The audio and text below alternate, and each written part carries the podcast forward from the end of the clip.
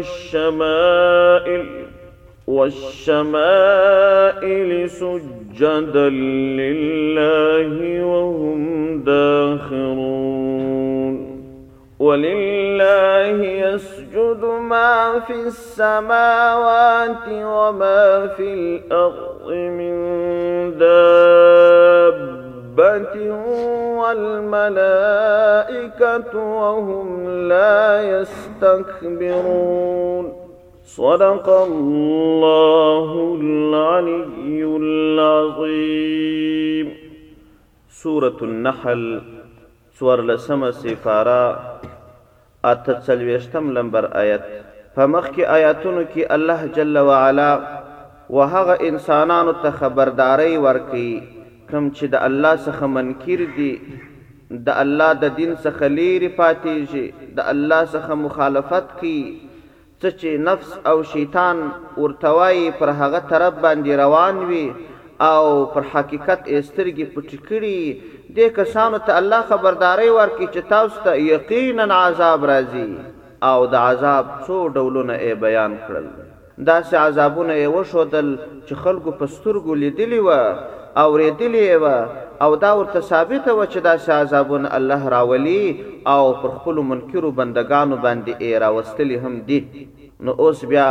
یو بل محسوسې دلیل الله جل جلاله و انسانانو ته فرمايي، و ای انسانانو! تاسو که د الله تابع جوړ شئ او تاسو که د دین احکام په پوره توګه عملي کړئ، تاسو به ډیر خوشبخته انسانان یاست ځکه الله جل جلاله ستاسو مقام تر ټولو مخلوقاتو لوړ کړی دی او که چیری د الله سره مخالف انسانان جوړ سی د الله دین ته شا ور وګرځوی څه چه زړه درته وایی هغسی کوی او د دین احکامو پری ایښی وی په داسی وخت کی به تاسو ډیر بدبخته یاست په دی وجه باندی چې کوم شيان چې د هغو رتبه در تاسو کښته ده، مقام ئې تر تاسو کښته دی، هغه هم د الله مخالفت نه کوي. تاسو وګورئ، ټول شيان چې په مځکه و اسمان کښې دي، ټول د الله تسبېح وايي.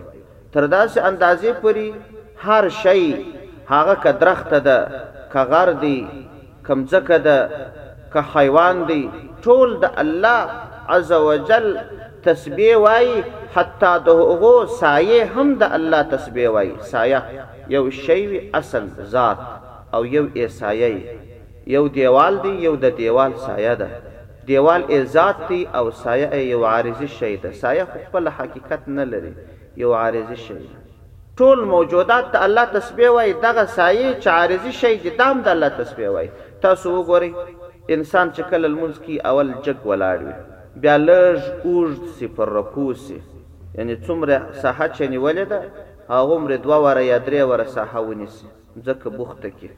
بیا تر دې وروسته چې رکوع یې وکړه ښه پسې اوږد شي سجده کوي. د ټولو شیانو سایې الله داسې جوړې کړې دي کله چې د زوال وخت شي لمر سم دم پر سر ودرېږي، په دې وخت کې د هر شي سایه ډېره لږ وي، کله چې لمر کرار کرار د لوېدو و خوا ته کښته کېږي، دا سایه اوږدېږي، اوږدېږي، اوږدېږي چې یو څه اوږده شي پر رکوع شي. او لمر چې پر نهايي ته ډوبېدو شو، دغه سیوری بشپړ پر سجده پرېوځي. بیا چې کله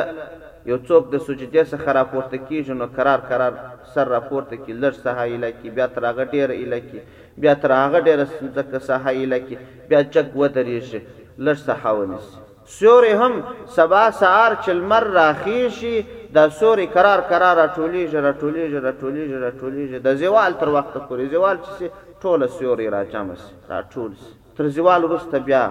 کرار کرار پر رکوع کېږي، بیا پر سجده شي، حتی سیوری لا هم د الله سجده کوي. نو ای بدبخته ته تر جماعت، تر درخته او تر دیوالو، تر ډبره، تر هغه هم پاته شه یې، د هغه تر سایه هم پاته شه یې چې بدبخته د لمانځه وخت یې ته بیده یې، بدبخته د لمانځه وخت یې ته په نورو کارونو باندې اخته یې، سبحان الله دا داسې انسانانو ته زه ډېر تعجب کوم چې اذان وسي او دی په کور کې ناست دی یا خوب کوي یا خوراک کوي یا په دوکان کې ناست وي دوکانداري کوي لمانځه ته نه راځي. ولي تاسو یو لږ څه د فکره څخه کار واخلئ. د الله جل جلاله باچهي به ډېره لوړی او که به د دنیا د باچهانو باچهي. ښکاره خبره ده چي د الله دومري لویه باچهي د دومري لوی واک یې دی چي د دې ټولي دنیا باچهان سره راجمع سي راجمع سي الله یې په غلامانو نه مني چي دی ووایي چي الله موږ ستا د دربار غلامان جوړېږي الله وایي دا شیان زما نه دي په کار الا ان شاء. مګر چاته چي خوښه سي. نو که چيري ته پر دې لار باندي روان يې د دې ظاهري باچا يو کس تا ته ودرېږي او سپايي ږغ در باندي وکړي چي ودرېږه دلته راسه ته که رښتيا نرې ته ته مه سوار وايه زه نه درځم اتمن به ورځې د باچا عسکر دی د باچا سپايي دی غواړي دي خبره درته کوي په کار يې يې اتمن ورځې دوامه ورځې او که بيا يو لږ واښه درته وښوروي چي راسه انعام درکوم خو په ځغاسته ورځي څوک به نسي وار دلته په مسجد کي د الله اسکر ږغ وکي الله د الله سپايي اواز وکي وايي حي علی الصلاة حي علی الفلاح راسه لمانځه ته راسه د انعام ځای ته راسه د خلاصون ځای ته ته ورته وايې ځه زه نه سم د تللی دوکانداري کوم خوب کوم خوراک کوم بانډار کوم په وسه مي نه ده پوره يوه ورځ هم نه دوې هم نه درې هم نه ټول عمر داسي کوې منافقه نو بیا به ته په کومو سترګو د الله څخه د رحم غوښتنه کوې؟ پر تا که مشکل مسلط شو، په کور کې دې بې برکتي راغله، ناجوړۍ راغلې، زحمتونه او تکلیفونه راغله، نو ته به بیا په کومو سترګو لاسونه الله ته پورته کوې چې یا الله، یا الله پر ما رحم وکړي، پر ما رحم وکړي؟ څنګه رحم درباندې وکړي؟ په څلرویشت ساعته کې پنځه پنځه واره د الله استازی تاته غږ کوي، وایي راشه مسجد ته، راشه مسجد ته، ته نه راځې. نو ته خدای شړلی انسان یې ستا عبادت د الله په کار نه دی ته دومری بد یې الله ستا څخه دا ستا عبادت قبلوی نه نو ځکه تا ته توفیق هم نه دی درکړی دا داسی مثال لری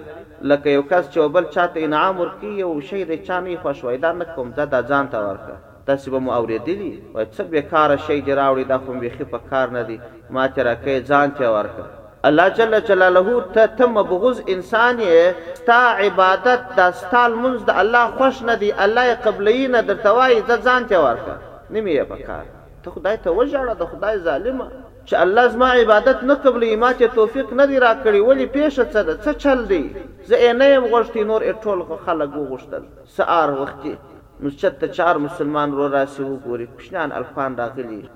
تازه ځوانان راغلي سپين ږيري راغلي پاخه خلک راغلي دا په انسان کي يو احساس پيدا کوي چي الحمدلله يا الله دلته خو نه پيسې سته نه وام سته يوازي ستا د رضا د پاره دا خلک راغلي دي دا ټول شريف خلک دي دا ټول د قدر وړ خلک دي دا ټول پر سر سر مچ کوي دا خلک. ولي داغسي ځوانان داغسي خلک په کورو کي ناست دي بيده دي هیڅ خبر نه دي په نیمه دنیا شپه یې او الې ده په بانډارو په پیسکو په فساد په هر صورت نو د الله جل جلاله دومرې لویه خدایي ده چې د انسانانو بغیر غرونه دشتونه اوبه حیوانان درختي دا ټول سجدې الله ته کوي د هغو سیوري له الله ته سجدې کوي. ملائک خو نو مه ښوروه. اصلا د انسان سجدې ته الله بیخي هیڅ ضرورت نه لري دومري د الله عزوجل عابدین مخلوق سته الله جل جلاله فرمایي اولم یروا آیا دوی نه ګوري الی ما خلق الله الی ما هغه شیانو ته خلق الله چې پیدا کړي دي الله جل جلاله من شیء د یو شي څخه یتفیء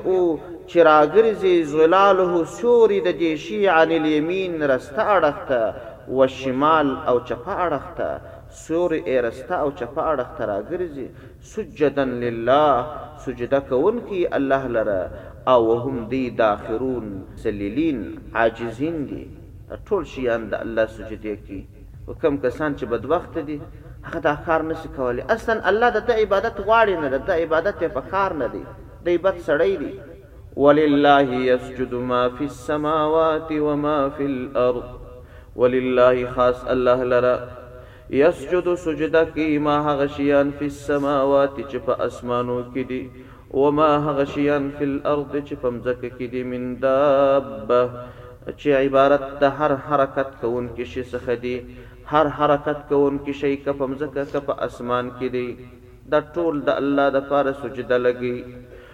والملائکة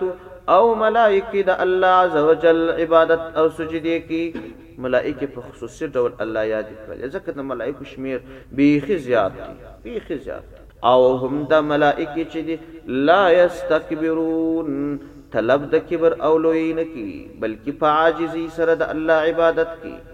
یخافون او بیریږي ربهم د رب څخه د دوی من فوقهم د لوړ طرف څخه د دوی ویفعلون او کوي ما هغه کار یؤمرون چې امر ورته وکړل شي یوه ذره د الله مخالفت نه کوي د الله څخه په بیره کې دي ټولې ملائکې ټول مخلوقات دا د الله جل جلاله څخه په ویره کې دي. رسول اکرم صلی الله علیه وسلم یو ځای راروان و ناببره یو کس په اوښ پسې راځغلي چاقو یې پسې راخستی دی اوښ رالی د پیغمبر علیه السلام حضور ته ودریدی چوک شو د نبی علیه السلام په حضور کې هغه سړی پسې رالی وایي یا رسول الله دغه اوښ زما اطاعت نه کوي پیسې مې پر ورکړي دي خوراک مې ورکړی دی اوبه ورکوم سایه تې دروم دی زما اطاعت نه کوي، بار نه وړي، زه پر سپرېږم، ما نه پرېږدي، اوس ئې حلالوم. پيغمبر علیه السلام د اوښ سره خبرې وکړلې. پيغمبر علیه السلام الله جل جلاله ډېرې معجزې ورکړې وې، د نورو انبیاوو علیهم السلام معجزې محدودې وې، خو د پيغمبر علیه السلام معجزې دا ساعت په ساعت وه. نو د اوښ په ژبه پیغمبر علیه السلام پوه شو. دا د پیغمبر علیه السلام معجزه وه. دا معجزه بل چا نه درلودل. هغه خبرې درواغ دي چې خلک وايي پخوا هر شي خبرې کولې. دا درواغ دي. حقیقت نه لري. دا یوازې یو بعضو پیغمبرانو ته به الله داسې معجزې ورکړې وې چې د حیوانانو په ژبه به پوهېدی. پیغمبر علیه السلام ته هم الله دا معجزه ورکړې وه. دا عامو انسانانو ته دغه. طاقت نسته چې د حیوان په ژبه دې پوه شي. نو پیغمبر علیه السلام خبرې ورسره وکړه چې ای اوښه دا سړی خو ستا مالک دی ته ولې ورسره خبرې نه کوې او ته ولې ورسره د دی په ژوند کې برابره ګوزاره نه کوې، اطاعت نه کوې، اوښ ورته وویل چې ای د الله حبیبه کله چې ماخستن شي دی یو هم د ماخستن لمونځ نه کوي ټول بې دینه پرېوځي سهار لمونځ نه کوي زما ټوله شپه دا اندېښنه وي چې اوس به د الله عذاب راشي پر دې کور باندې، اوس به د الله قهر راشي پر دې کور باندې. نو زه سخت د دې څخه وېرېږم چې اوس به پر دوی باندې عذاب او قهر راشي، زه به پکښې هلاک شم، په دې وجه زه د دوی اطاعت نه کوم. بیا حبیب صلی الله علیه وسلم د کور د مالک سره خبرې وکړې، ویل، ته خو داسې یو بې دینه انسان یې، ستاسو د کورنۍ غړي خو بې دینان دي، تاسو خو لمونځونه نه کوئ، ماخستن د لمانځه پروا نه لرئ، د ورځې د لمانځه پروا نه لرئ، ماخستن چې څوک لمونځ ونه کړي، ټوله شپه پر دا کور خطره ده چې د الله قهر ورباندې راشي او د دغه کور په وجه باندې اویا کوره نور هلاک شي، دا عذابونه چې راشي، توپان راغی، رود راغی، درې سوه کور یې یووړل، زلزله وشوه، زر کور یې هلاک کړل، ښه دی چې دا روغ خلک یې هم پکښې هلاک شول. ځکه پیغمبر علیه السلام خبر تاسو ټولو ته درکړی دی او موږ ټولو ته یې دا خبر راکړی دی چی یو بد سړی مو ولیدی منع یې کړئ د دې کار څخه که یې منع نه کړئ د الله عذاب راځی ته هم ورسره هلاکیږی دغه عذابونه چی راشی دا یوازی د دې بی دینانو په وجه باندی راځی پر هر کور که غم راغلی مسئول پکښې هغه بی دینه کس دی هغه راچپه کوی ویې ټکوی د کوره یې وباسی د ده په وجه باندی پر دا کور باندی عذاب راغلی دی نو حتی حیوانان هم د الله د قهر څخه ویریږي، ملائکه خو بیخي یوه ذره د الله مخالفت نه کوي، یوازې ته انسان یې دومره بې پروا یې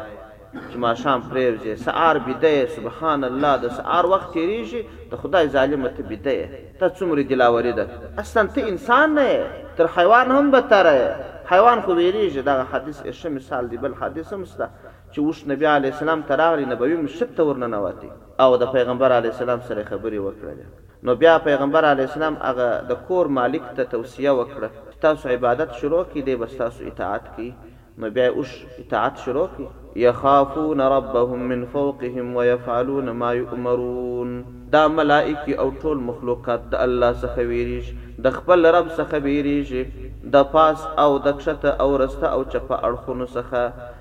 دا وېره وسره يي چې د الله د قهر څخه په امان سم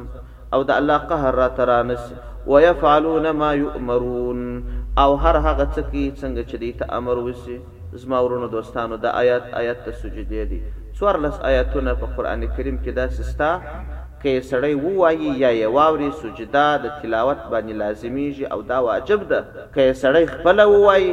او که يې بل کس واوري.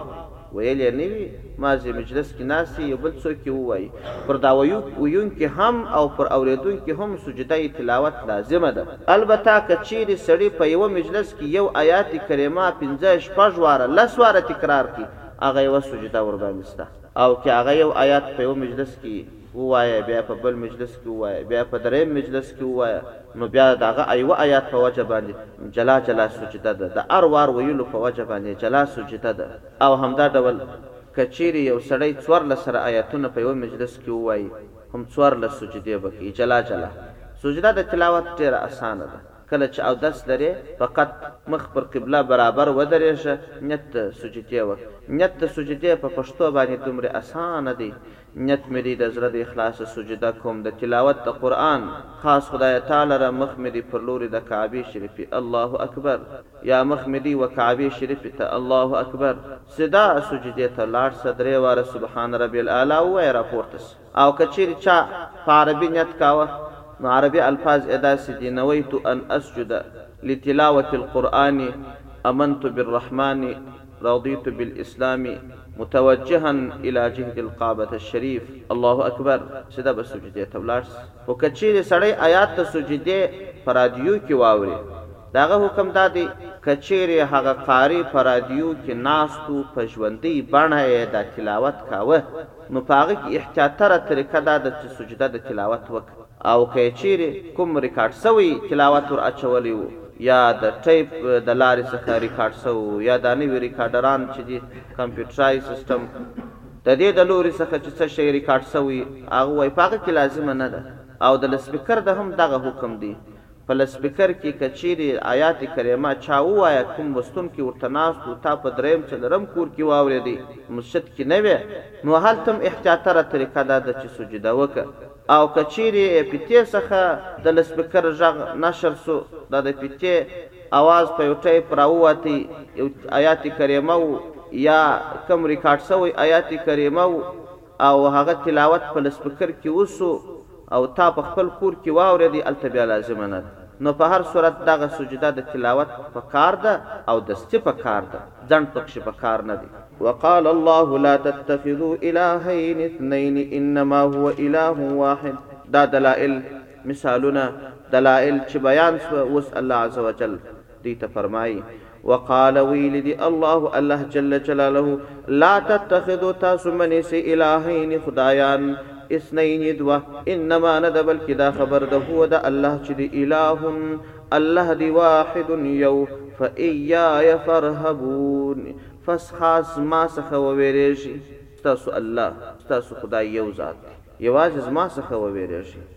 د بل چا څخه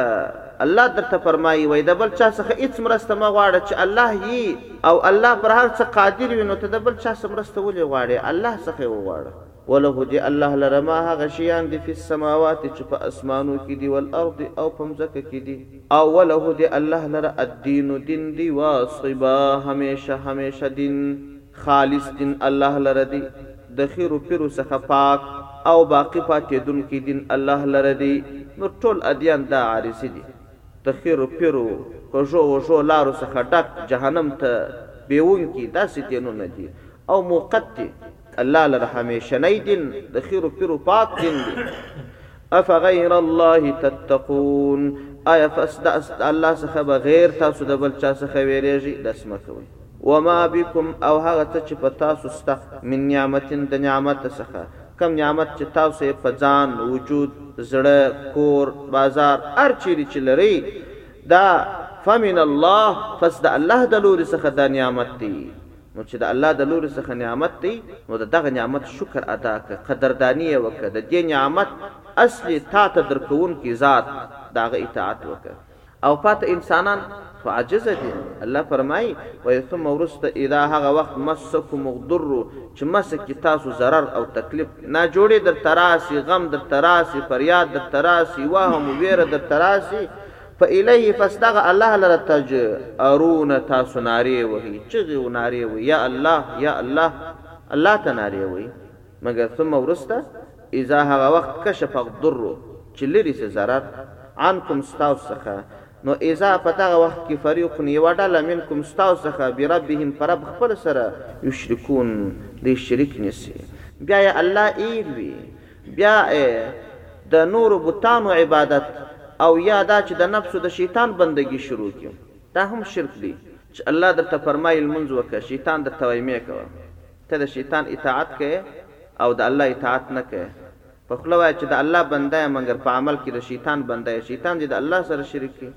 نو کله چې تکلیف او مصیبتونه درته پېښ شي نو ته خو چغې او نارې او فریاد کوې چې یا الله یا الله مګر کله چې ضرر او تکلیف درڅخه لرې شي بیا بېرته په عیش او په عشرت باندې اخته شې. لیکفرو بما آتیناهم، دې د پاره د دې یکفرو چې کفر وکړي دغه بدبخته خلک چې ضرر الله ځنې لرې کړی دي، بما په هغه شیانو سره آتیناهم چې راتلل کړي دي الله و دوی ته کوم د دین او د اسلام احکام چې ئې رالېږلي دي په هغه سره کفر کوي.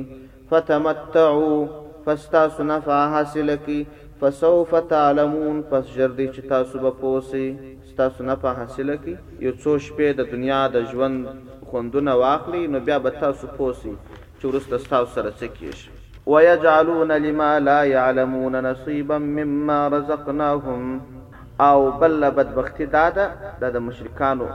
د مکې مکرمې یادونه کوي، دوی چې به کله په تکلیف کې راګیر شوه چغې و نارې به یې الله ته ویلې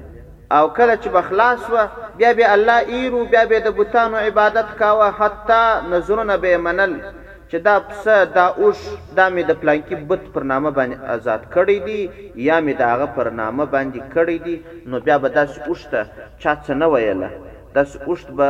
په مځکو په کروندو کې ګرځېدی هم به چا څه نه ورته ويل او که به د چا شخصي مال خواړی هم به چا څه نه ورته ويل ول دا د پلانکي بت پر نامه باندې نذر شوی دی بيا ماته تاوان رسېږي الله جل جلاله ئې به يادونه کوي ويجعلون دی ګرځی لما هغه شي لره لا يعلمون چې دی نه پوهېږي نصيبا يوه برخه مما د هغه مالونو څخه رزقناهم چې موږ په رزق ورکړی دی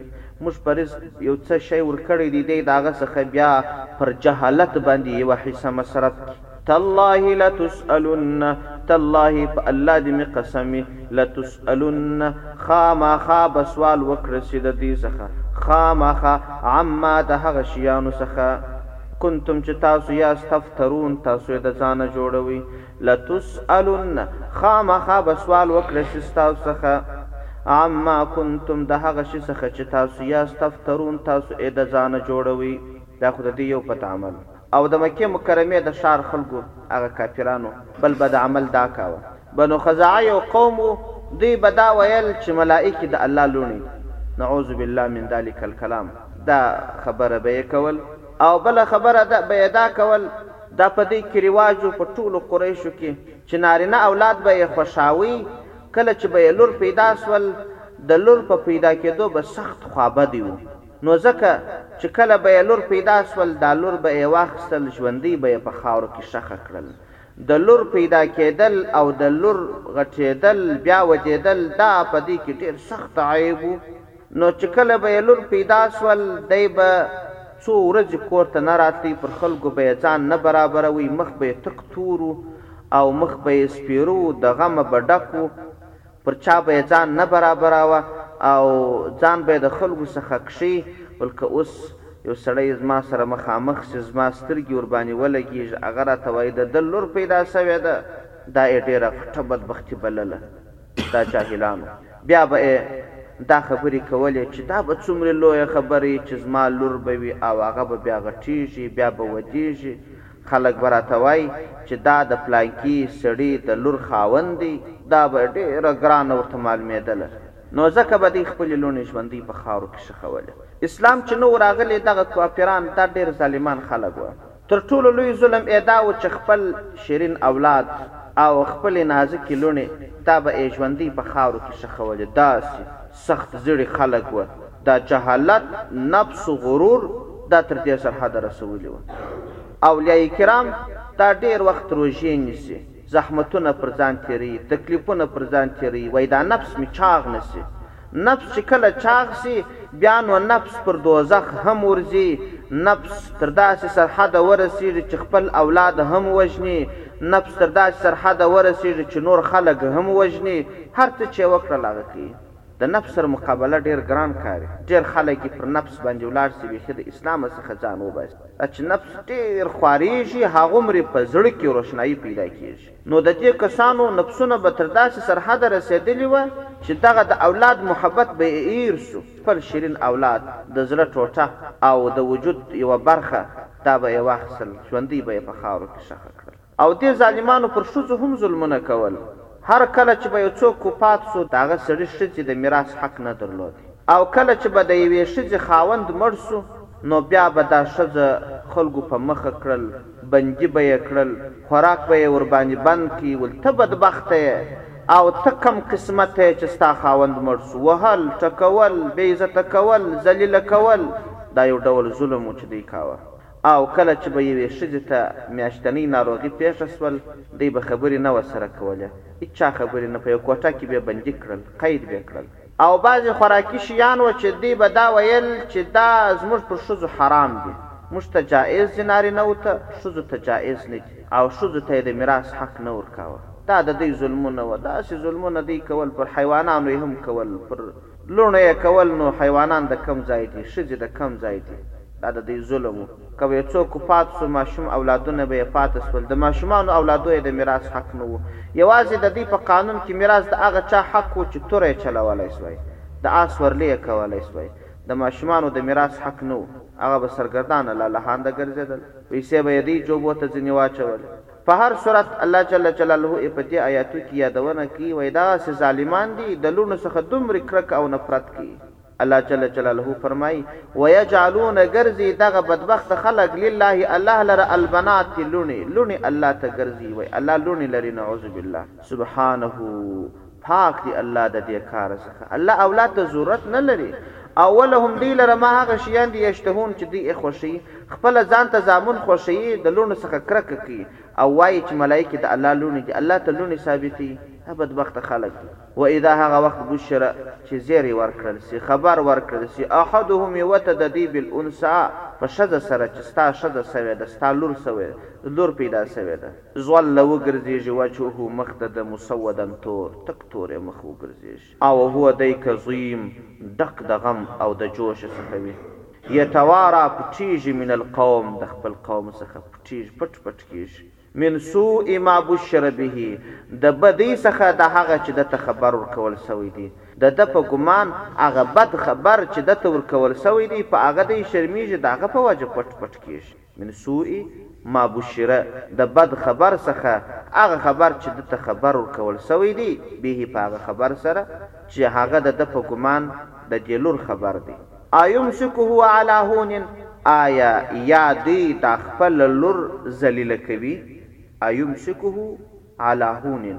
یعنی سی دا خپله لور پر ضلالت باندی یعنی چی کله لویه سی بیا دمیراث حق نه ورکی دغه خپله لور چی یو انسان دی او د الله په قدرت جوړ انسان دی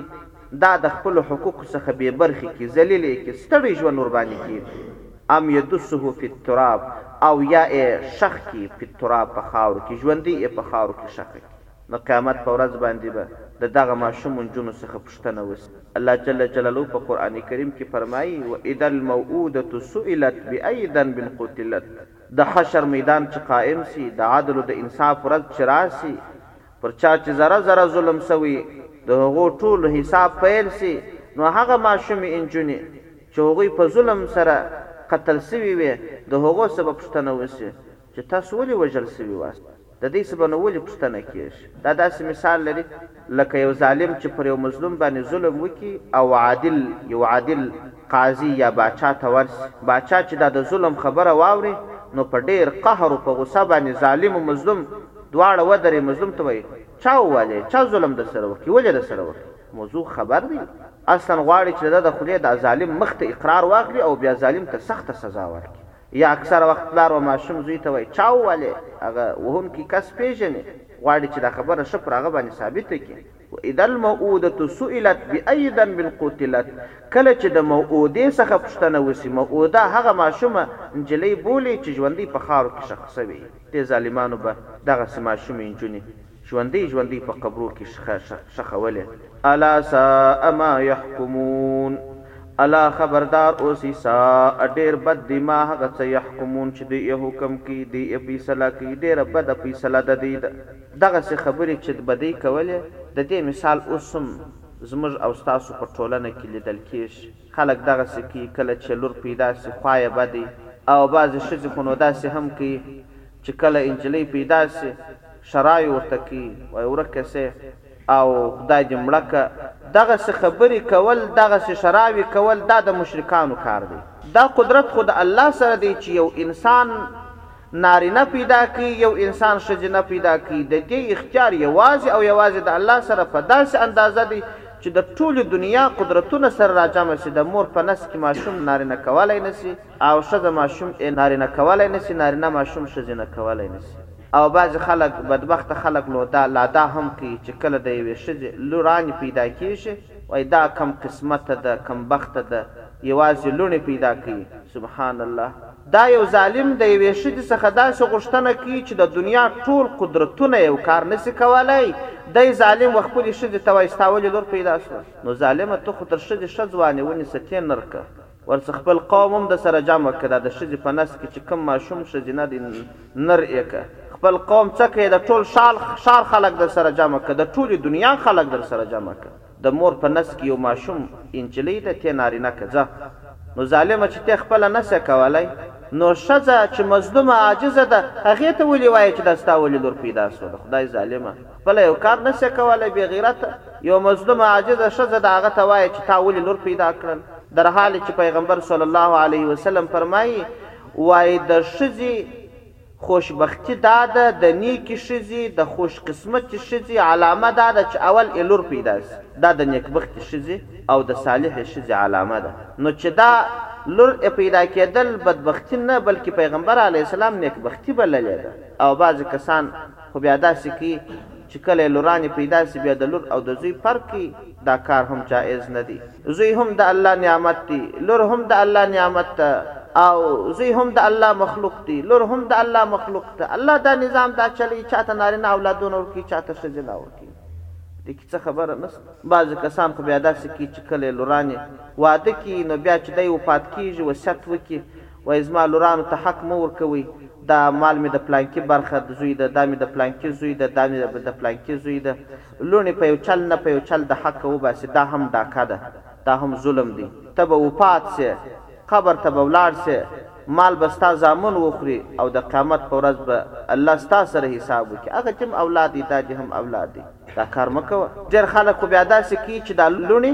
د حق څخه بې برخې کړي، په خپل ژوند وايي، زه هېڅ شی نه لرم، ما خپل ټول مال زامنو ته ورکړی یا دا هر شی چې ستا دا زما د زامنو دی، زه هېڅ شی نه لرم. د دې لپاره چې سبا بیا دا ګوبیر مړ شي او بیا یې هغه لورانې حق ونه غواړي، دا نور زامنو به ورته ووايي چې هغه خو په ګرد په خپل ژوند باندې د هر څه څخه لاس اخستی و، هېڅ شی یې نه درلود، بس دا څو جوړې زاړه کالي يې پاته دي دا که غواړئ يويې شئ کني زموږ پلار خو هيڅ شی نه درلودی هر شی چې وو هغه زموږ وو ګوره دا يو چل دی ورته کوي او بعضې کسان خو نو بيا داسې وايي وايي عجيبه دا ده نو زما خوريی راغی زما په خپله مځکه کې سراي جوړ کړ. پردي خلک راله او په کور را شریک شوه، نو دې ځي ته نه ګوري چې پردي خلک چې راغلي دي هغه خو ستا د خور اولادونه دي، ستا خور ستا